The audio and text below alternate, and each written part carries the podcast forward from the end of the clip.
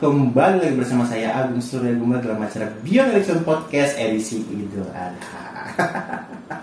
Jadi selamat menunaikan Idul Adha, hari besar hari raya Idul Adha untuk umat Islam terutama ya. Karena di hari raya Idul Adha ini umat Islam semuanya merayakannya seperti itu. Dan umat-umat yang lain juga ikut merayakan juga. Tidak maksudnya ikut-ikut bersama saja merasakan hmm, apa ya merasakan auranya gitu merasakan Kebahagiaan. sensasinya kebahagiaannya ya karena di Idul Adha ini biasanya identik dengan yang namanya pemotongan atau hewan kurban Nah, itu yang kita akan bahas dengan Pak Doni Halo teman-teman, gimana bro? ah iya Pak Sapu udah dipotong udah Apa yang dipotong justru pemotongan kurban itu kan fokus bagi-bagikan Iya iya. kegiatan sosial. Idul Adha ya seperti itu. Tradisi ya. tradisi dari Ah. dulu dari zaman Nabi mungkin pak ya Iya. Umat Islam dari dulu Hmm. sampai sekarang tetap menjalankan hal itu karena itu sangat diwajibkan Iya benar-benar. benar. Suatu hari besar Iya, umat begitu. Islam ya. menurut bapak bagaimana pak apa yang bisa kita ambil dari momen Idul Adha ini pak Ya, hmm.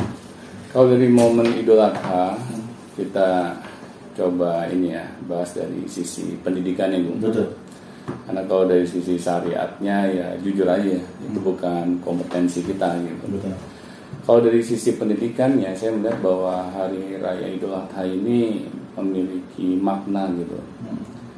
Kita harus melepaskan kemelekatan kita Hmm. pada duniawi. Nah, Hmm. karena apa? Karena ketika kita menaruh dunia di hati kita, Hmm. kadang hal ini membuat kehidupan kita itu semakin runyam. Hmm. Mengapa saya bilang semakin runyam? betul Kadang kan kita sebagai manusia merasa memiliki Hmm. sesuatu yang kita ikhtiarkan, kita upayakan, itu selamanya adalah milik kita, akan kekal akan kekal. Padahal kita nggak sadar gitu. Pada suatu saat nanti kita akan berpisah dengan mereka.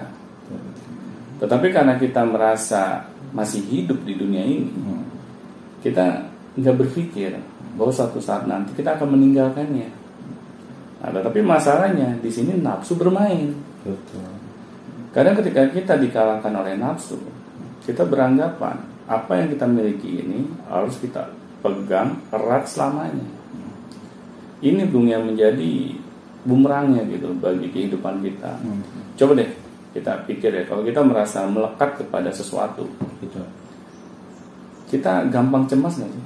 Iya, pasti banyak apa keprihatinan gitu, takut ini, takut Iya, benar, itu. benar. Jadi di hidup tuh kayak serba takut gitu. Nah itu masalahnya begitu bung. Padahal, ya. ah, padahal kita nggak sadar kalau kita apa-apa takut ya di dalam kehidupan kita. Hmm. Bagaimana kita mau memaksimalkan potensi yang kita miliki? Hmm. Kita akhirnya membatasi diri gitu. Kita seharusnya bisa meraih prestasi yang setinggi tingginya, tetapi kita selalu diliputi oleh rasa takut. Kita tidak mau melejitkan prestasi kita. Betul. Jadi kayak tertahan, terbelenggu gitu ya. Benar. Hmm. Ibaratnya kalau kita sedang naik mobil ya, Hmm. kita injek gas full, Hmm. tapi sambil kita tarik rem tangan. Jalan tempat tuh. Benar itu. Makanya dengan momentum Idul Adha ini, ini seharusnya sebagai peringatan gitu, Hmm. bahwa kita jangan sampai membawa dunia ini melekat di hati kita. Hmm. Nah, di sini Tuhan mengajarkan gitu dengan momentum Idul Adha. Hmm. Tetapi kadang kita fokusnya hanya makan-makannya saja Sate. gitu. Ah, Udah jelas itu pak. Sate-sate Ah. terjadi gitu kan. hanya selebrasinya saja gitu, Bung. Iya kan eh, hewan kurban dipotong dibagi-bagikan Nah, gitu kan.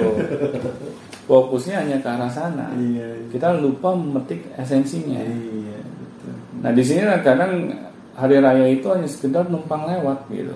Kita tidak mendapatkan apa-apa. Kita tidak mendapatkan pembelajaran. Nah, padahal seharusnya yang namanya hari raya itu itu sebagai cara kita untuk mengevaluasi diri. Bagaimana nih kehidupan kita setahun ke belakang ini? Hmm, betul. Apakah Ah, sudah melekatkan diri kita ke mana saja gitu? Iya, Atau benar, melepaskan benar, benar. apa gitu? Padahal yang seharusnya yang kita lekatkan di hati kita itu hanya Tuhan semata, Bro. Jadi kita bekerja itu karena memang perintah Tuhan, ya. kita memiliki sesuatu itu karena memang diizinkan oleh Tuhan kita memiliki hal tersebut Hmm. bukan dikarenakan upaya kita kerja keras kita Hmm, Ah, diri kita yang- ah, kita merasa diri kita lah yang paling berjasa gitu tidak ada campur tangan Tuhan di sana Iya. nah padahal pernah nggak kita merasa gitu kita sudah berupaya bekerja keras Hmm. kok hasilnya sulit ya kita dapatkan gitu Iya, iya.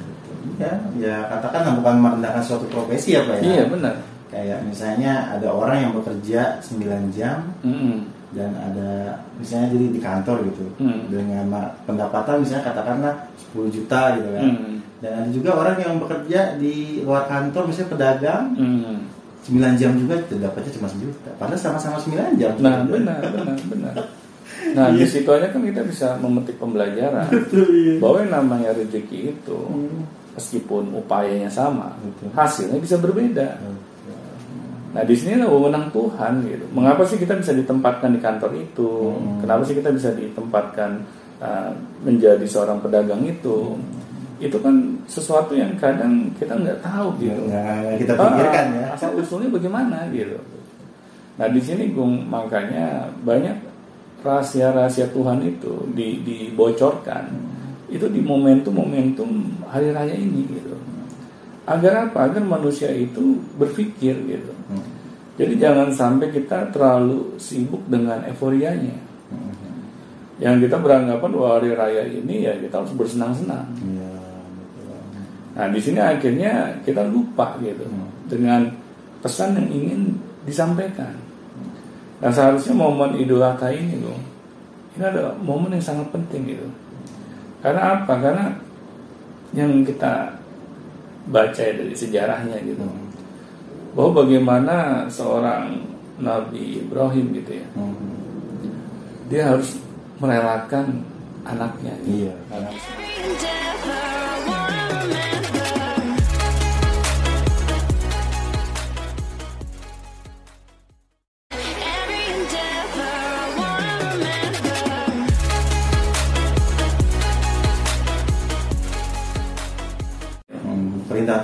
Ah, perintah Tuhan untuk mengorbankan nyawanya, Pak ya. Iya. Kalau kita jadi Nabi Ibrahim ya apa-apa itu kan. Iya, pasti kita akan protes. Iya, Pak, saya sih Iya. yang lain apa gitu. Gue udah susah payah dapetin anak ini. Iya, iya. Ya, yang kita dengar ceritanya kan Nabi Ibrahim bisa punya Nabi Ismail itu setelah umur dia bukan usia yang masih muda Hmm, udah tua mas. udah tua gitu. Sedangkan dia harus mau mengorbankan. Bayangkan gitu, seorang Nabi saja itu di tesnya itu nggak main-main gitu. Ya kita kan nggak usah lah sampai mengorbankan anak sendiri gitu kan. Ah, biar itu kelasnya Nabi gitu yang mendapatkan cobaan seperti itu, ujian seperti itu. Nah, tetapi di sini saya melihat seorang Nabi saja ya, Hmm. ketika dia mendapatkan perintah untuk mengorbankan anaknya, dia juga masih mikir-mikir gitu. Iya.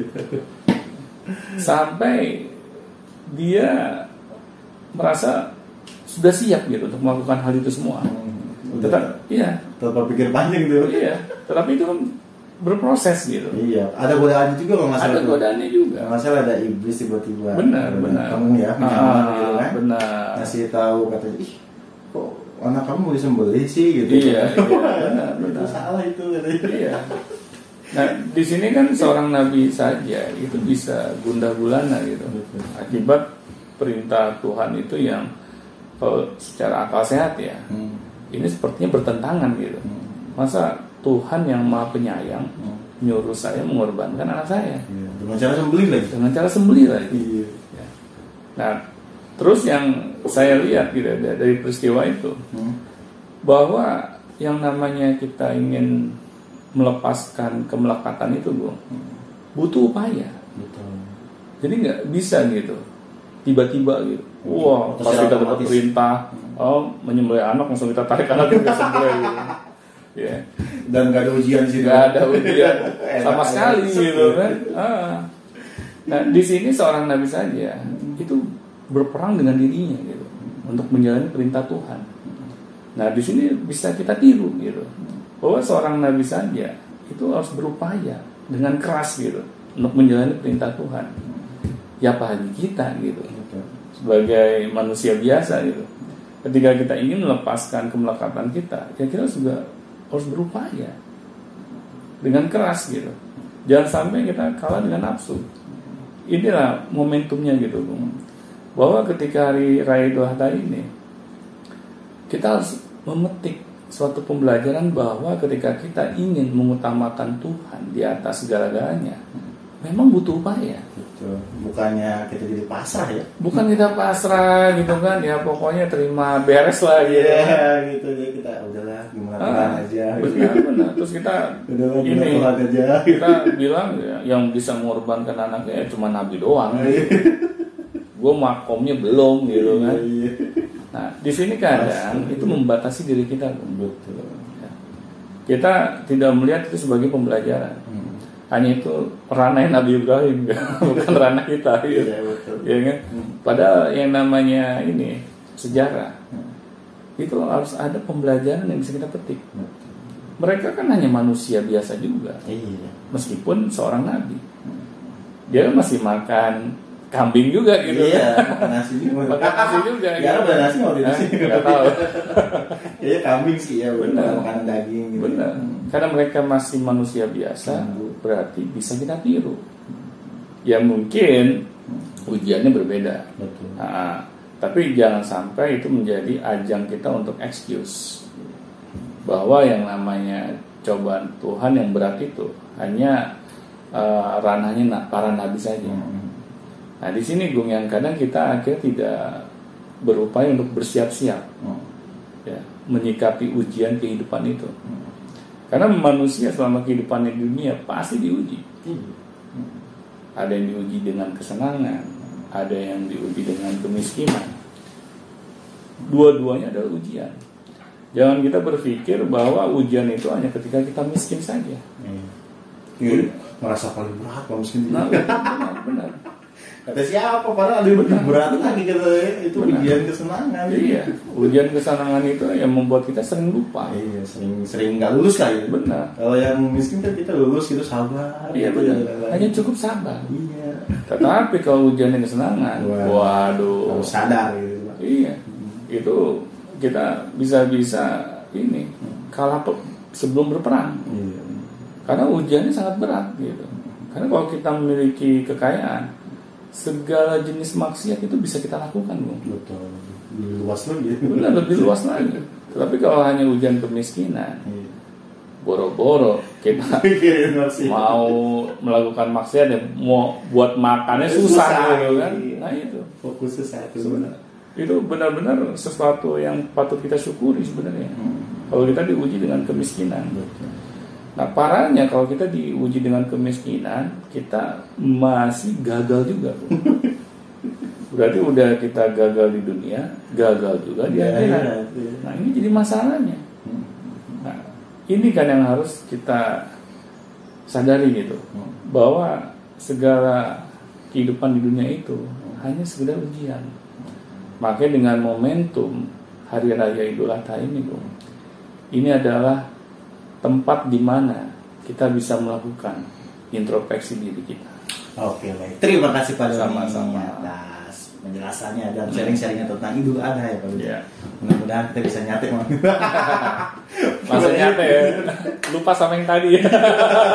tidak tidak begitu nonton dulu ya baru nyate gitu ya Siap, baik terima kasih kalau misalnya anda mau tanyakan silahkan langsung cek link deskripsi semuanya sudah ada di sana ada juga WA dan Telegram untuk ikut dan gabung ke Beyond Education Podcast dan ada juga untuk melihat-lihat artikelnya di Beyond Education Podcast eh, blogspot.com ya ada di situ di link deskripsi. Dan ada juga yang mau bertanya mau berkomentar silahkan langsung saja di situ. Baik sampai jumpa di Beyond Education selanjutnya. Sampai jumpa teman-teman.